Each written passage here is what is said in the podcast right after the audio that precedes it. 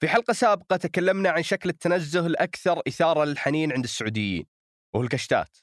بس طبعا الكشتات ما هي طريقة التنزه الوحيدة. في حلقة اليوم أشياء غيرتنا المنتزهات والملاهي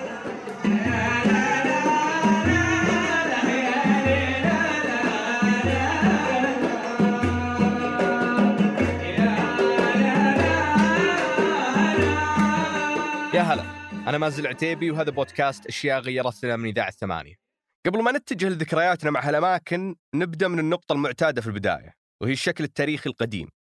من ناحية فكرة التنزه فغطيناها في حلقة الكشتة. الخروج للأماكن المفتوحة وتغيير الجو هذا طقس عالمي ومعروف. أما بالنسبة للألعاب اللي تربط بالملاهي مثل المراجيح والزحاليق فهي أشياء صناعية حديثة. كلها مصنوعة من حديد وبتصاميم معينة. السؤال هو هل قبل هذه التصاميم كانت الناس تتمرجح وتتزحلق؟ إيه لا هي شوف الأفكار هذه الإنسان ابن بيئته يسوي الأفكار هذه ويسوي غيرها. زي مثلا أضرب لك مثال ال ال البرميل هذا اللي يحط عليه خشبة وواحد هنا وواحد هنا. بس لا يجي واحد عاد سمين وواحد نحيف أكيد بيختلف الوضع.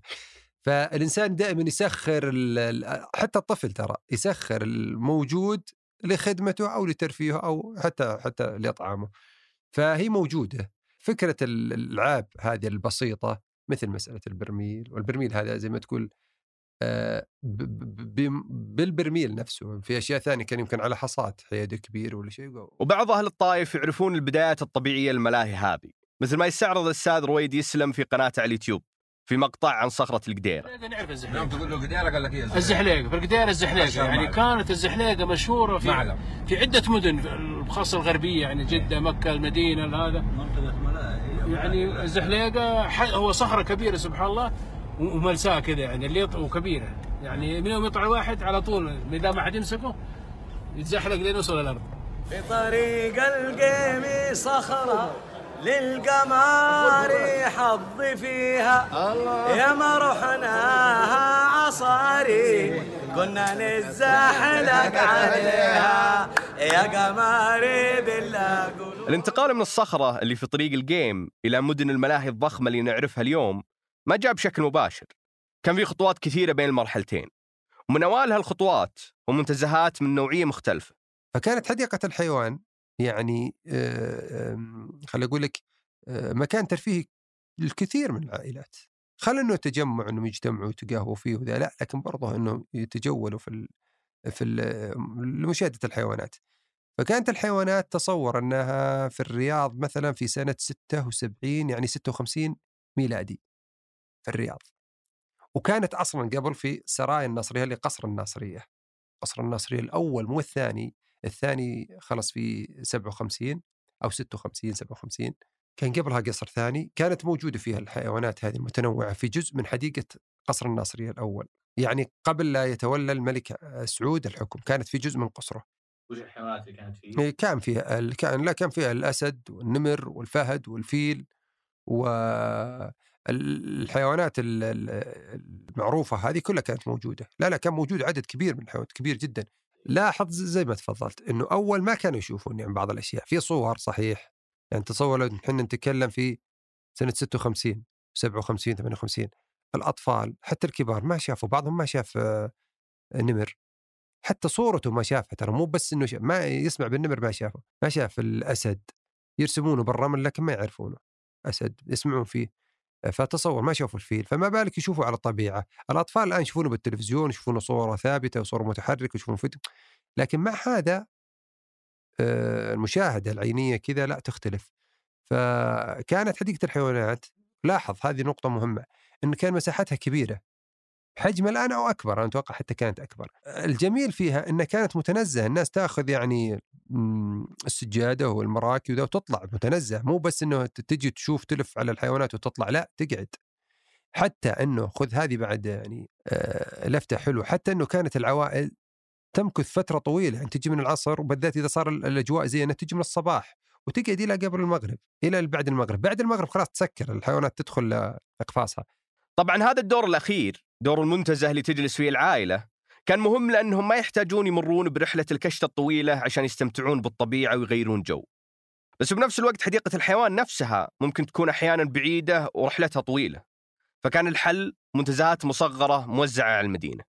أمانات مدينة الرياض مدينه جدة إلى اخره البلديات خلينا نقول البلديات مؤسسه البلديات كان من ضمن اهتماماتها الحدائق العامة بناء الحدائق العامة. وأعطيت جانب مهم ترى يعني نذكر في الرياض كان الأمير آه، فيصل الفهد الفرحان كان معطيها جانب كبير ولها شواهد شوف آه، مثلا حديقة الملز اللي سميت الآن باسم الأمير فيصل آه، فهد بن فيصل الفرحان عفوا فهد بن فيصل الفرحان. وحديقة اللي كان برج الرياض عليها كانت كلها حديقة ما كان في برج كان يسمونه كازينو. جزء منها وتحدثنا عن موضوع الكازينو تلفزيون وعشب أخضر وثيل وجلسات وكافيتيريا. وكان الجانب للأطفال فيه هذه الألعاب. وكان في نوافير. فهذه توفرت. يعني إلى حد بعيد بس بشكل بسيط. ترى الحدايد ومنحنيات وذا لعبت وكذلك انتشرت أكثر في في السبعينات في حدائق السبعينات. لكن تعرف لما المدنية إحنا دائما نقول المدنية أكثر أكثر عمقها جت في الستينات والسبعينات الستينات يعني هي بالبداية كانت المدنية أكثر في الستينات. فانتشرت الحدائق هذه انتشرت معها الالعاب هذه. طبعا اللي يقصد منصور بالألعاب هذه هي الزحاليق والمراجيح الموجودة في الحدائق العامه بس يوم نقول ملاهي اللي يجي في البال هو مدن الألعاب الضخمة. قطار الموت وبيوت الرعب وسيارات التصادم. لكن بعد الفاصل.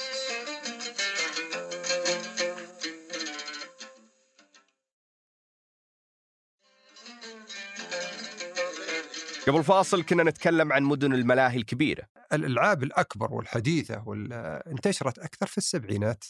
يعني أضرب لك مثال الملاهي انتشرت في السبعينات أكثر. لها امتداد لكن انتشرت في السبعينات أكثر. في الثمانينات بلغت ذروتها لأن الطفرة. الناس قدرت تصرف على الترفيه أكثر. يعني كان في الثمانينات يطلعوا الأطفال أو العائلة كامل ويصرفوا مبالغ كبيرة في الملاهي.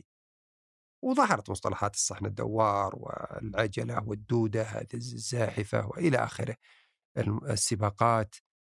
آه، لكن قبلها لا كانت يعني في السبعينات موجودة لكن محدود ارتيادها وغير كذا محدودة ألعابها. مثل ما ذكر منصور هي متواجدة قبل السبعينات مثل ملاهي العيدروس في جدة اللي موجودة من الخمسينات يبدو لي. بس نوعية الألعاب اللي فيها كانت أبسط وحجمها كان أصغر بكثير من الملاهي اللي جت بعدها. ولما جاء الانتشار في السبعينات تعرفوا أطفال ذاك الجيل على ألعاب بتصير جزء لا يتجزأ من ثقافة التنزه عند السعوديين. السيارات التصادم كانت الأولى عند الشباب يعني لا ينازعها لا صحن دوار ولا الدودة المتزحلقة ولا كلها ولا السباقات. كانت في لعبة أخرى اللي هي المتاهات والظلمة والشياطين اللي يطلعوا دولة لكن السيارات ليش الشباب يحبون؟ أولا هي جميلة حقيقة ثانيا إنها محاكاة لمرحلة يرى الطفل إنه بإذن الله قريب سبي سوف يصل يعني مرحلة الشباب. إيش اللي يختلف؟ هي زي سيارة الآن حقيقي هي تمشي الآن سيارة الآن مع ظل مع في ظل وجود المحرك الأوتوماتيكي خلاص هي سيارة ملاهي، أذكر حنا لما بدأ الناس يتعاطون أكثر مع سيارة الأوتوماتيكي، طبعا كانوا يستعيبون المحرك الأوتوماتيكي. لما بدأوا يتعاطون مع المحرك الأوتوماتيكي كنت أنا أنا شخصيا أقول إنه سيارة ملاهي. ما ما ما يحتاج تعلم ولدك على عليها ما تحتاج اضغط هنا آه، آه، محرك السرعة وهنا الفرامل بس وقضينا. لكن تعال لما يتعلم ولدك السيارة أو أخوك أو ده تعلموا سيارة آه، المحرك العادي لا شغلة طويلة طويلة مرة. فكانت سيارة الملاهي سيارة قياسا على سياراتنا الآن. ينقصها أول اللي هو الجير العادي هذا المحرك العادي. كانوا يحبونها طبعا تقليد فعلا للمحاكاة لمرحلة الشباب والسيارات وبنفس الشيء هي هي أصلا ملهيه وفيها تحدي تصدمني وأصدمك وإلى آخره. النقطة الثانية آه، الألعاب الأخرى ألعاب البنات الأوزة وال ألعاب الحصان اللي الحصان اللي يطلع ذي وفي في يعني وفي بنات يخاطرن في ألعاب المخاطرة يعني قطار الموت وذي هذه كلها جت يعني أقول لك هي موجودة في السبعينات. قد يكون لها امتداد إلى الستينات وإن كنت لا أذ... طبعا ما أدركت المرحلة ما ولدت وقتها لكنه ما وجدت إنه يعني في المملكة كان موجود مثلا قطار الموت في الستينات ابدا ولا حتى الصحن الدوار. لكن ربما إنه يكون في الستينات موجود زي المراجيح هذه اللي تدور. بس يعني أقصد ملاهي بس مصغرة بشكل بسيط. قد يوجد في الستينات لكنه في السبعينات حتما موجود. في الثمانينات ذروتها. وأنا قلت لك السبب الثمانينات ذروتها الطفرة تغير أحوال الناس استطاعوا يعني يرتادوا هذه الاماكن طبعا اللعبة الأشهر في طفولتنا كانت قطار الموت. أشهر ما هو لأننا كنا نلعبه لكن بسبب اسمه والقصص حوله. مثل ما يوصف منصور هو شيخ الألعاب يعني يعني كيف شيخ الألعاب؟ كان هو الكبير اللي إذا أنت دخلت قطار موت قادر تدخل أي لعبة موجودة. أيوه. لذلك هو مرهون بالصراخ دائما يعني في مع الهوية هذه وكذا لكنه كان في حوادث. ولا زال في حوادث وأنت تسمع وتقرأ دائما فترة لفترة تلقى حادث آه، سقوط طفله أو سقوط طفل آه، لا كان خطير حتى في أول كان خطير يعني مو بس الآن. هو نقول إذا الآن خطير كيف أول إيه أول. يمكن السلامة إيه إيه بس إنه بس آه بس إنهم تجرأوا في المراحل يعني في التسعينات تجرأوا وبعد الألفية إلى أنهم يعني يضعونه في آه خطورة أكبر أكبر إلى أنه إلى درجة أنه وهذا موجود في الدول الأخرى أنه تلتف يعني تقلبك فوق تحت وتنزل وهذه خطيرة مرة. وحتى الهوية أحيانا تصير هوية خطيرة جدا بانزلاق آه شبه كامل بدرجة يعني منحنية. هل تحس كانوا يتنافسون حق الملاهي في إنه نحتاج يكون عندنا الأخطر عشان الناس تجينا؟ أكيد. وهذا صار يعني صار في جدة أذكر ما أدري عطى الله. آه صار في الرياض هنا بين اسمين تجاريين في الملاهي.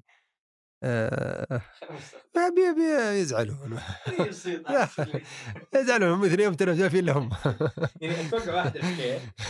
صح؟ الحكير والمعجن. مع التنافس بالخطورة والحجم في الألعاب الميكانيكية كان في نوع جديد من الألعاب شافوا أصحاب الملاهي إنهم يقدرون يضمون لمنتزهاتهم. في الثمانينات حدث ذكرنا في حلقة من الحلقات اشياء غيرتنا إنه الألعاب الإلكترونية دخلت. دخلت صالة أخرى العاب الكترونيه، كان في صالة المتاهات وصالة المرايا، صالة المرايا إنه يعطونك مرايا تشوفها وتشوف انت نفسك سمين وتشوف نفسك ضعيف وتشوف نفسك طويل وتشوف تعرف المقعرة والمحدبة. الصالة الأخرى صالة الألعاب الإلكترونية، الالعاب الالكترونيه أتاري كبيرة اللي هي الجيمز الآن. بدأت في يعني هي انتشار نتكلم عن في الثمانينات انتشارها في 82 83 إلى أن ذكرنا قبل إنه بعض المستثمرين من الشباب وغير الشباب استثمروا في محلات وضعوا محلات ما في ملاهي بس محل استأجر فتحتين المحل وحط له ألعاب الجيمز هذه وصار عليها إقبال كبير. وبجانب مدن الملاهي المستقلة صار في فرص لإضافة ملاهي مصغرة ضمن مباني أضخم. طلعت أسواق مركزية إيش مركزية؟ يعني مغلقة فيها تكييف داخلي وفيها كل شيء. فحطوا في أركانها ألعاب صغيرة ليه؟ علشان الأفكار التسويقية العالمية هذه. أنت العائلة تصل للسوق لكن يعني تحتار وش تسوي في الطفل. فخل الطفل هنا في الركن هذا لا تشيل هم الطفل. طفلك هنا ومعك تذكرة واسمه سواره وانت تروح تسوق ثم تعال خذ طفلك. فطلعت هذه في الثمانينات. فأصبحت في أسواق مثلا سوق الجوهر في سنة 1980 يعني في آخر السبعينات أنشئ وافتتح في 80 وكذلك في أسواق ما أدري في جدة كان في المختار وزي كذا فكانت في الأسواق هذه المركزية وفي الدمام. كانت أسواق مركزية وفيها أركان ملاهي. ملاهي صغيرة. طيب بعدين تطورت هذه الملاهي الصغيرة أصبحوا ياخذوا صالات مغلقة كلها ملاهي مثل الآن اللي تشوفها جنبنا هنا اللي هي شو اسمها حقت الأطفال هذه؟ Chuck E. Cheese Chuck E. Cheese إي زي تشيكي تشيز. فصارت الأول كنا نقول صالة محل كامل مسور ذا للملاهي المفتوحة لكن الآن صارت مس... صالة كبيرة ملاهي مغلقة. بس لا يزال المدن الملاهي التقليدية طعمها الخاص خصوصا أنها كانت فرصة للتعرف على ناس جدد مثل ما صار المنصور. نختم بها ونذكركم إن نهاية الحلقة فيها مقتطف من حلقة الأسبوع الجاي. نشوفكم على خير. تعرفت على في حديقة الملك فهد في الطايف على ناس في الرياض. إي والله أنا كنت في الطايف وأنا طفل وتعرفت على ناس في الرياض. يعني قعدوا يقولوا لي أحياء اللي أسمعها في الرياض ولا عمري رحت لها. كان يقول لي قال انت وين ساكن قلت أنا في المكان الفلاني. قال انت وين ساكن. هو ما عرف حي وأنا ما عرفت حيه وحنا في الرياض. فبعد ما أحيانا بعد ما يرجعوا تصير يوم يومين تلتقي معهم تصير خلاص كونت معهم آه، زمالة صداقة. فلما ترجع تضغط على والدك إنه يزورك ولا تزوره ولا تلتقوا ولا ولا تصير بمدرسته إذا كان قريب زي كذا. فهي تجمع دائما. وقس هذا على النساء والنساء على شكل أوسع. النساء يتزاور أكثر لأنه تعرف يعني الطفل والده ما يحقق له كل شيء إنه مرحلة بسيطة وعرفت شخص وتركته. لكن النساء لا. المتنزهات هذه لما آه، يعني استحدثت فجمعت آه، صداقات وحلقات كبيرة للأسر كثير. في طريق القيم صخرة